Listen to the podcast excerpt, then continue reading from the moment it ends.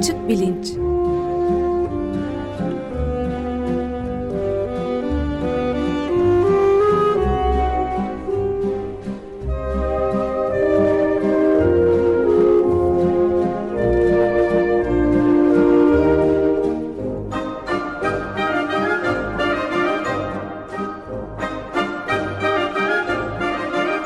Güven Güzeldere ile bilim ve felsefe sohbetleri. Günaydın Güven Bey, merhabalar. Günaydın Ömer Bey. Günaydın. Günaydın Özdeş. Bugün ne konuşuyoruz? E, bugün konumuz nöro ilahiyat.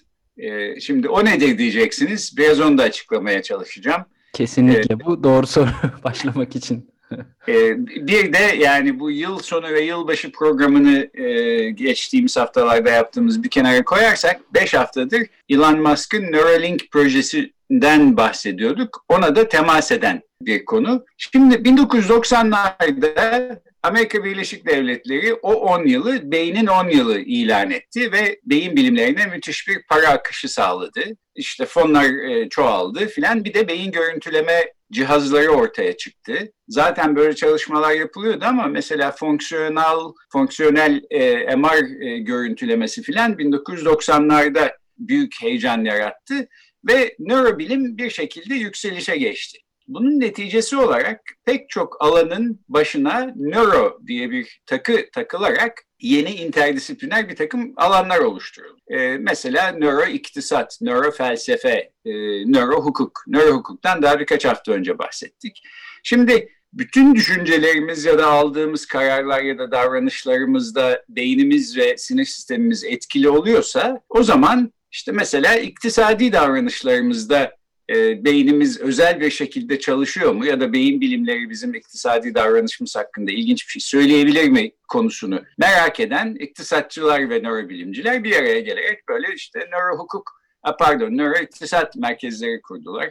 Hukuk için aynı şekilde, felsefe için aynı şekilde. Burada ortaya çıkmış alanlardan bir tanesi de nöro ilahiyat ya da nöro teoloji. İşte yani kelime anlamı itibariyle tanrı bilim demek din felsefesinden ayrı bir şey. Onu da söyleyeyim. Ben bir felsefeci olarak mesela din felsefesiyle ilgileniyorum. O konuda arası e, ders veriyordum falan. E, ama ilahiyat benim konum değil.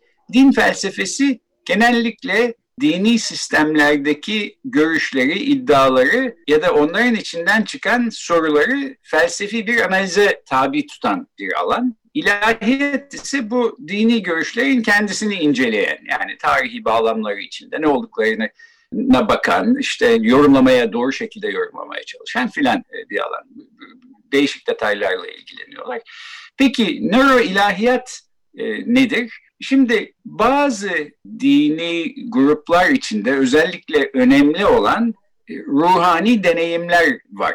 Bu ruhani deneyimler acaba e, işte sonuçta e, beynimizle ve sinir sistemimizle ilgili bir tarafı olsa gerek. Bunları mesela böyle bir uyarı yöntemiyle bir takım cihazlar kullanarak tekrarlamak, deneklerde bunların oluşmasını sağlamak mümkün mü diye bir takım insanlar merak etmişler. Nitekim bu konuda e, bir nörobilimci ve fizyolog Michael Persinger isimli birisi e, Kanada'da, Ontario'daki Laurentian Üniversitesi'nde e, böyle bir cihaz geliştiriyor ve e, işte birkaç deney yapıyor. 1989 senesinde bu işlerin ta ilk başlamak üzere olduğu zamanlarda aslında çok öncü bir çalışma. E, bu konuda bir yazı yazıyor. Bu yazıya e, 3-4 hafta önce konuğumuz olan beyin cerrahı Doktor Ali Zır e, değinmişti beyne dışarıdan müdahaleleri konuşurken ben de o zaman hatırladım. E, zamanında okuyup sonra bir kenara koymuşum. İşte yeniden okudum. Bu vesileyle bu konuyu bir daha konuşalım diye düşündüm. Şimdi bunun Neuralinkl'le... Ha şey buyurun pardon. Rica ederim. Ee, bu nöro e, sinirle ilgili bir kavram değil mi? Sinir demek. Evet yani nörobilimin nörosu diye anlayalım. Sinirle ilgili. Ee, sinir sistemi sinir bilimi sistemi. yerine işte sinir iktisat bilimi e, ya da sinirsel ya da sinir bilimsel hukuk e, evet. ya da felsefe ya da Neuralink projesiyle de alakası şu. Şimdi bu Neuralink daha önceki programlarda da anlatmaya çalışmıştık. Bir beyin makine arayüzü, bir cihaz. Ee, insanların beyinlerine yerleştirileceği öngörülüyor bir ameliyatla.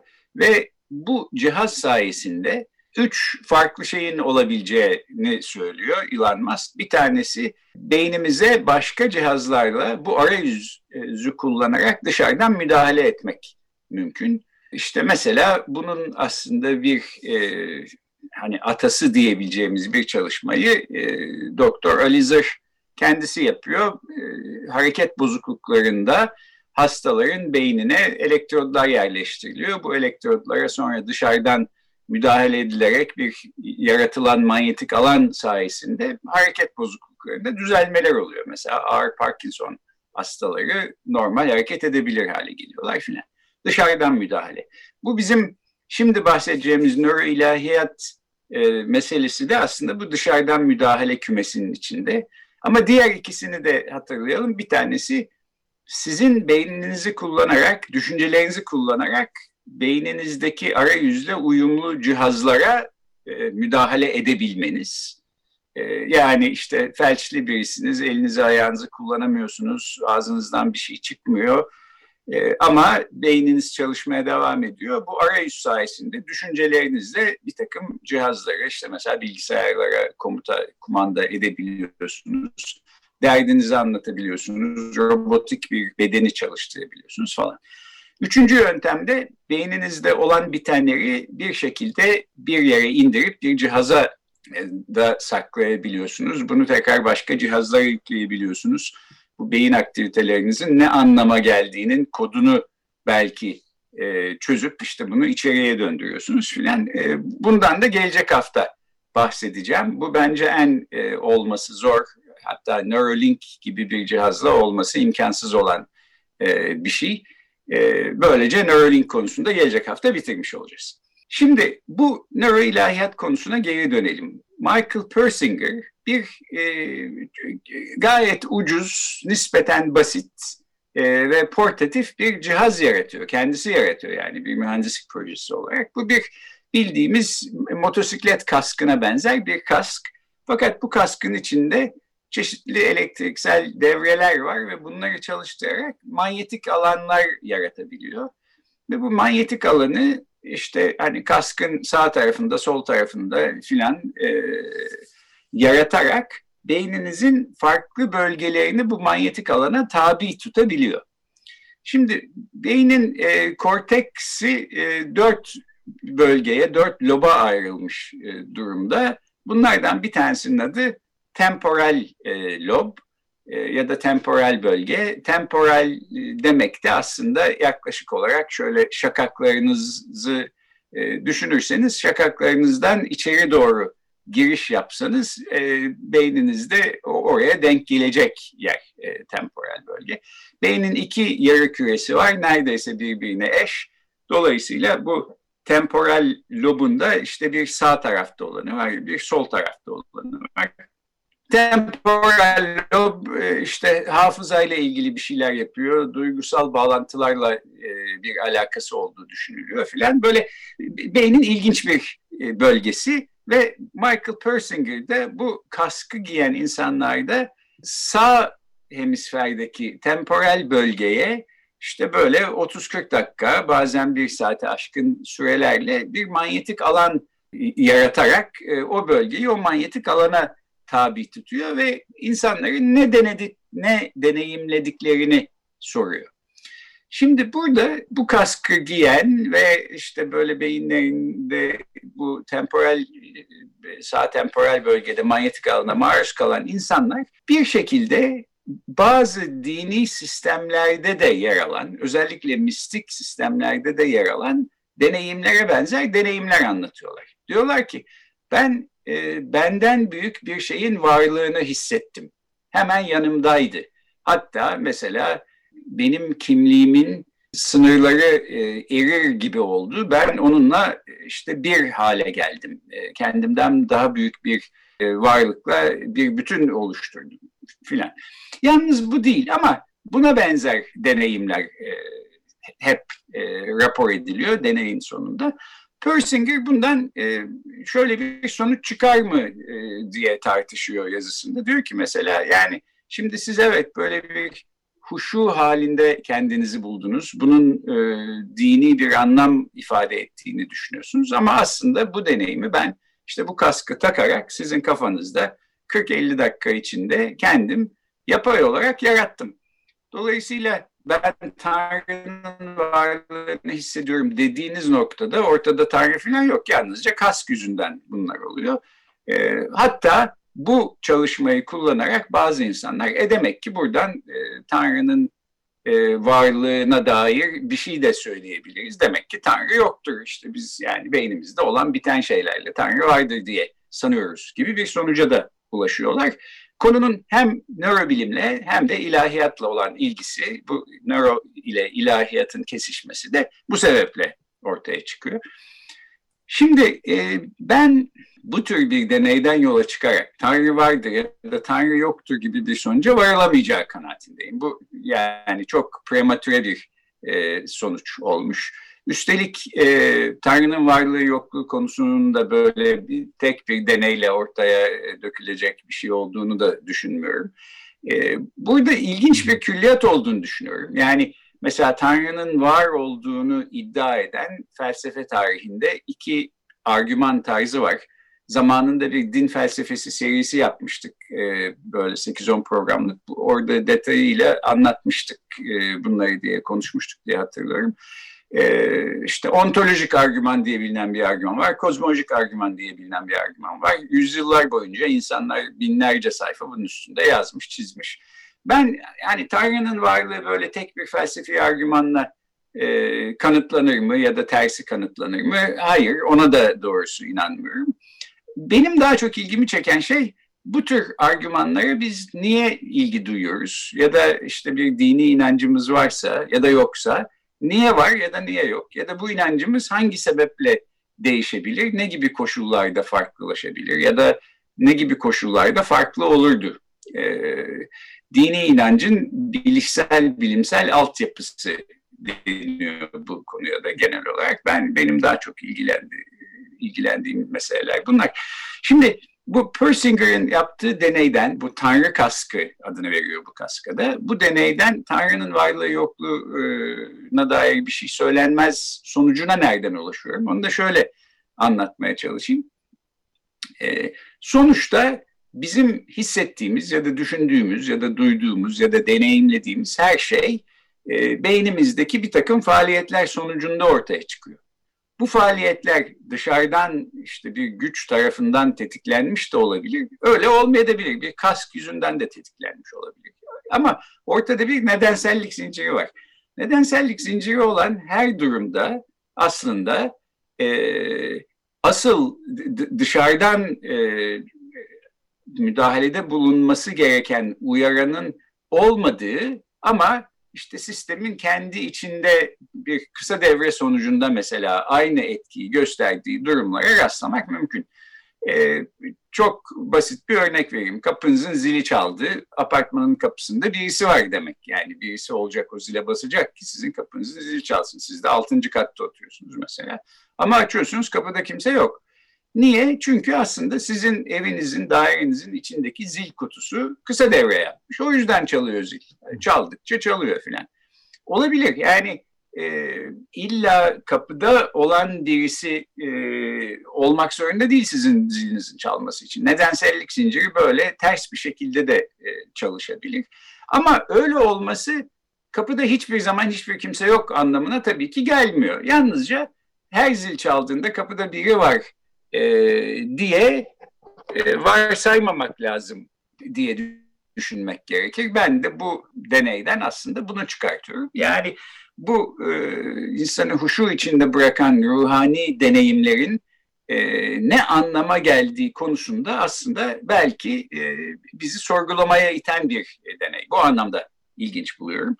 E, şimdi bazı e, dini inanç sistemlerinde, mistik geleneklerde filan genellikle ana akım dini sistemlerin çeperinde, periferisinde kalan e, gruplarda deneyim sahiden önemli. Yani Bu mesela Hristiyanlarda protestan kiliselerinde bazı protestan kiliselerinde çok gözüküyor. Çünkü protestanlık işte Katolikliğin kurumsallaşmasına karşı da e, çıkmış bir şey sonuç itibariyle. Dolayısıyla kişisel deneyimler önem kazanıyor.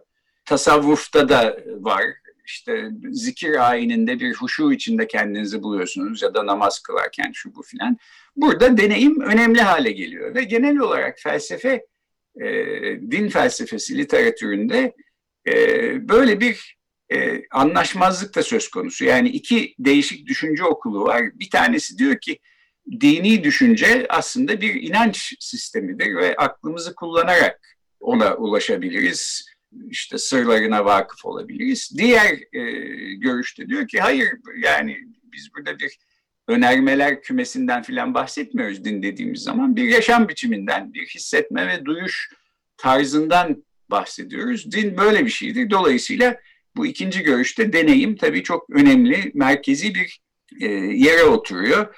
Bu deney de, bu Persinger'in deneyi de aslında bazen insan hayatında çok önemli olabilecek bu ruhani deneyimin aslında böyle işte basit bir kaskla bir laboratuvarda 40-50 dakika içinde üretilebileceğini gösteriyor. O açıdan ilginç. E, ama bence işte Tanrı var mıdır yok mudur filan o tartışmalara çok büyük e, katkıda e, bulunuyor diye düşünmüyorum. Şimdi bu noktada ben bu din felsefesi dersini verirken genellikle e, anlattığım bir anekdot var. Ben de yer bırakmış bir e, şeydir. Bunu belki bu geçmiş yıllarda konuşmuş olabiliriz ama üstünden çok sene geçti unuttum. E, pardon fakat şimdi bu konuyla da alakalı onu anlatayım. Bir seferinde yıllar önce bir konferansta bir adamla e, tanışmıştım. Böyle hep çok iyi sorular soran, çok aklı başında filan. Benden de yaşça büyük işte o zaman tahmin ediyorum 60 yaşlarda falan birisiydi, bir kişiydi. Sonra e, işte konferansta birkaç gün geçirip biraz ahbap olduktan sonra ben işte siz ne yapıyorsunuz filan dedim. Dedi ki ben bir cerrahtım işte iyi bir üniversitede öğretim üyesi cerrahi bölümünde olarak çalışan birisi. Fakat başımdan bir deneyim geçti ve e, cerrahiyi filan bıraktım. O gün bugündür bir arayış içindeyim dedi. Tabii benim ilgimi çekti bu yani ne oldu işte nasıl bir arayış filan diye. Tabii adam yani kime anlattıysa bunu herkes hep aynı soruyu sormuş. Bana da şimdi dedi sizin bu sorduğunuz soruların hepsini bana daha ilk başta zaten bu soruları soruyorlar. Yani bu deneyim nasıl bir deneyimdi? Ee, birinci soru. İşte bir daha başınıza geldi mi bu? Ben de onu sordum. Ee, bir de peki yani o gün bugün ne buldunuz? Ee, dedi ki adam yani bunları aslında verebilecek böyle çok önemli bir cevabım yok. Ee, ben de öyle dindar filan bir kişi değilim. Daha önce de değildim. E, fakat hiç beklemediğim bir anda böyle bir yarım dakika süren filan bir, bir şey başıma geldi. İşte bir gün evdeydim, işten gelmiştim. Bir bardak su içeyim diye e, buzdolabına doğru gidiyordum dedi mutfakta. E, birden böyle bir ışık hüzmesi girdi camdan. Beni sardı, sarmaladı. Bir, kendimden daha büyük bir varlıkla bir e, olduğumu hissettirdi ve sonra yok oldu gitti. Ama bu bende öyle derin bir iz bıraktı ki benim bu dünyaya ait ne görüyorsam, ne düşünüyorsam bunların hepsi yüzeysel ve önemsiz şeyler. Bunun altında daha derin bir gerçeklik var ve benim bunu bulmam lazım düşüncesi bende yer etti. Bundan kısa bir süre sonra işimi filan bıraktım, istifa ettim ve bunun peşine düştüm dedi adam. Yani deneyimi bu. E, böyle yarım dakikalık bir e, deneyim. E, peki bir daha oldu mu? Hayır olmadı. Peki ne bu ne zaman oldu? İşte 35 sene önce. O gün bugün ne buldunuz? Çok da bir şey bulamadım dedi adam. Çok alçak gönüllü birisiydi. Yani ben işte evrenin sırrına erdim filan demiyor. Ama aramam gerektiği konusundaki e, kanaatim hiç değişmedi, azalmadı. Dolayısıyla aramaya devam ediyorum dedi sakin bir sesle. Şimdi bu, bu ilginç bir şey. Yani deneyimin e, bu dini düşünce içinde bu tür ruhani deneyimlerin e, bazı insanların hayatını çok değiştirebilecek bir öneme sahip olduğunu gösteriyor. Hayatımızı değiştiren şeyler tabii yalnızca deneyim değil. Yani işte Orhan Pamuk'un bir kitabı öyle bir cümleyle başlıyor değil mi? Bir kitap okudum ve bütün hayatım değişti diye. Şimdi ben hiç bütün hayatımı değiştiren bir kitap okumadım.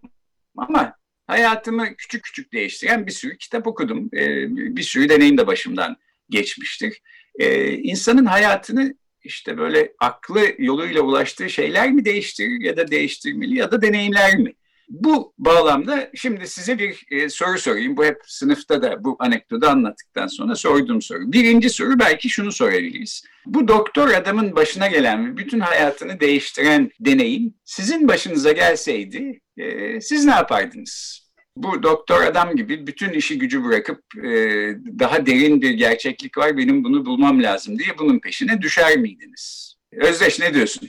Şimdi benim çok dinle e, alakam olmadığı için muhtemelen ben daha farklı bir şeye yorabilirdim bu deneyimi. Yani bence bu aslında biraz önemli de bir soru. Yani neden dine mesela yormuş e, bu kişi e, bunu? Ben belki e, dünya dışı canlılara falan da bağlayabilirdim. Böyle bir şey var mı? Onlarla mı irtibata geçiyorum diye. Ben de muhtemelen ilk şey bu olurdu. Bu e, deneyim. Ben de acaba başka türlerle e, iletişim halinde miyim sorusunu uyandırdı. Uzaylılar geldi kapımı çalıyor. Evet. Ya o- Yani bu benim için daha makul bir ilk izlenim olurdu. Şimdi burada aslında bu söylediğinde önemli bir nokta var. O da şu. E, deneyim kendi başına her zaman e, belirli ya da ne olduğu belli olan, sınırları belli olan bir anlam ifade etmeyebiliyor. Bir şekilde yorumlamak gerekiyor. Yani bu adam da işte bu deneyim sonucunda bir gerçeklik peşine düşmüş ama mesela Hristiyan olmamış. İşte kiliseye giden bilmem ne bir adama dönüşmemiş ya da Budist ya da Müslüman falan da olmamış. Ama bu deneyimin aynısı senin başına gelse sen başka bir şey yapacaksın. İşte ne bileyim Pakistan'da bir medresedeki bir müridin başına gelse o başka türlü onu yorumlayacak. Amazonlarda bir Hah, ben onu diyecektim. Amazonlarda bir yerli şey yapsa, başına gelse, gelse evet, başka başka türlü bir yorum yapardı. Evet. Dolayısıyla deneyimleri zaten bildiklerimiz ve inandıklarımızdan bağımsız olarak yorumlamamız e, zor gözüküyor. Bu, bu deneyimi merkeze koyan görüş açısından aslında belki bir dezavantaj. Ama soruyu o zaman daha verimli bir tartışmaya yöneltecek şekilde ben şöyle tersinden de biraz soruyorum. E, çünkü şimdi bu adamın başına gelen adam şunu da dedi bana. Bak dedi yani bana deselerdi ki bu iş başıma gelmeden beş dakika önce şöyle bir şey senin başına gelse hayatın böyle değiştir, değişir miydi? Yok imkanı yok değişmezdi derdim. Çünkü bu deneyimin nasıl bir şey olduğunu anlatamıyorum. Ben anlattığım zaman yalnız soluk bir kopyadan ibaret kalıyor. Hani merak ettin sordun diye sana nezaketen söylüyorum ama bu söylediğim ile aslında deneyimin ne olduğuna vakıf olabileceğini sanma dedi. Bu biraz şeye benziyor galiba. Hani e, elinizde eğer özel lensler ve filtreler falan yoksa mesela gün batışının fotoğrafını çekmek çok zordur. Böyle insanın nefesini kesecek güzellikte bir güneş batışı karşınızda bin tane fotoğrafını çekersiniz. Hepsi böyle soluk işte uzakta bir güneş batıyor gibi bir şey filan e, gibi çıkar. E, biraz onun gibi bir şey. Dolayısıyla ben soruyu şöyle değiştirerek sormak istiyorum. Bu adamın başına gelen neydi bunu iyi tahayyül edemediğimiz için bizim başımıza gelse ne ol, ne yapardık diye sormak belki e, çok e, verimli değil. E, bizim hayatımızı bu adamın hayatını değiştirecek gibi değiştiren bir deneyim bizim başımıza gelse bu nasıl bir deneyim olurdu? Yani nasıl bir şey hayal ed- edersiniz ki bir deneyim hayal edersiniz ki bu bütün hayatınızı değiştirsin. Orhan Pamuk'un kitabında olduğu gibi başıma bir şey geldi ve bütün hayatım değişti diyeceğinizi varsayın. Bu nasıl bir deneyim olurdu diye bunu kurgulamaya çalışalım. Ee, bu konuda söyleyecek bir şey var mı? Ömer Bey hadi şimdi de size sorayım. Ee, çok e, zor bir soru bu aslında. Fakat ben e, daha çok böyle bir deneyimin geldikten sonra başına e, hiç yı- yılmadan herhangi bir tekrarı ve başka bir ipucu olmaksızın, benzeri bir deneyim olmaksızın işte 20 30 yıl geçmesinin e, çok çarpıcı bir durum ifade ettiğini düşünüyorum. Yani ben olsam e, böyle bunun peşinden koşacak bir iradeyi göstermezdim herhalde. Evet ya da en azından insan belki hani iki sene sonra ya buradan bir şey çıkmıyor da diye belki düşünür. İşte işine gücüne geri dönerdi filan. Tabii yani bu kişiyi ben e, eskiden beri tanıdığım birisi olsa belki daha iyi bir değerlendirme yapabilirdim. Orada tanıdığım kadarıyla e, aktarıyorum ama ilginç bir şeydi. Bende yer etti. E, Evet. Bu deneyimin e, işte dini inanç sistemleri içindeki yeri e, konusunda da bence ilginç bir örnek oluşturuyor. Persinger de bu nöroilahiyat diye anılan alandaki işte çalışmasında diyor ki bu tür deneyimleri ben bu kendi tasarladığım ve Tanrı kaskı adını verdiğim kask ile insanlara yaşatabiliyorum. Dolayısıyla bunları e, yani bunu açıkça demiyor ama hani bu deneyimleri öyle çok da ciddiye almayın ya da ciddiye alıyorsanız gelin laboratuvarda ben size yapı vereyim gibi bir şeye bağlıyor. Nöroilahiyat konusu genel olarak bundan ibaret. Evet. Bunu da Neuralink tarzı cihazların işte ne şekilde kullanılacağına bir örnek olarak ilginç bir örnek olarak Evet, e, galiba so- da süreyi de bitirdik bu. ve burada da e, noktalayalım isterseniz. Peki çok teşekkür ederiz. Tamam haftaya Neuralink meselesini son bir programla bitireceğiz. Bitireceğiz. Görüşmek üzere. Görüşmek Peki. üzere. Görüşmek üzere, hoşçakalın.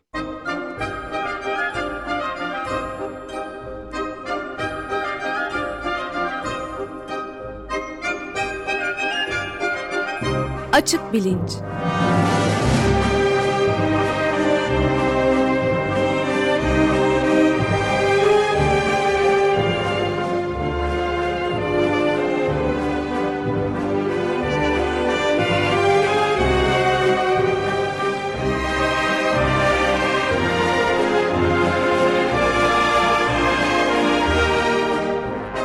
Güven Güzeldere ile bilim ve felsefe sohbetleri.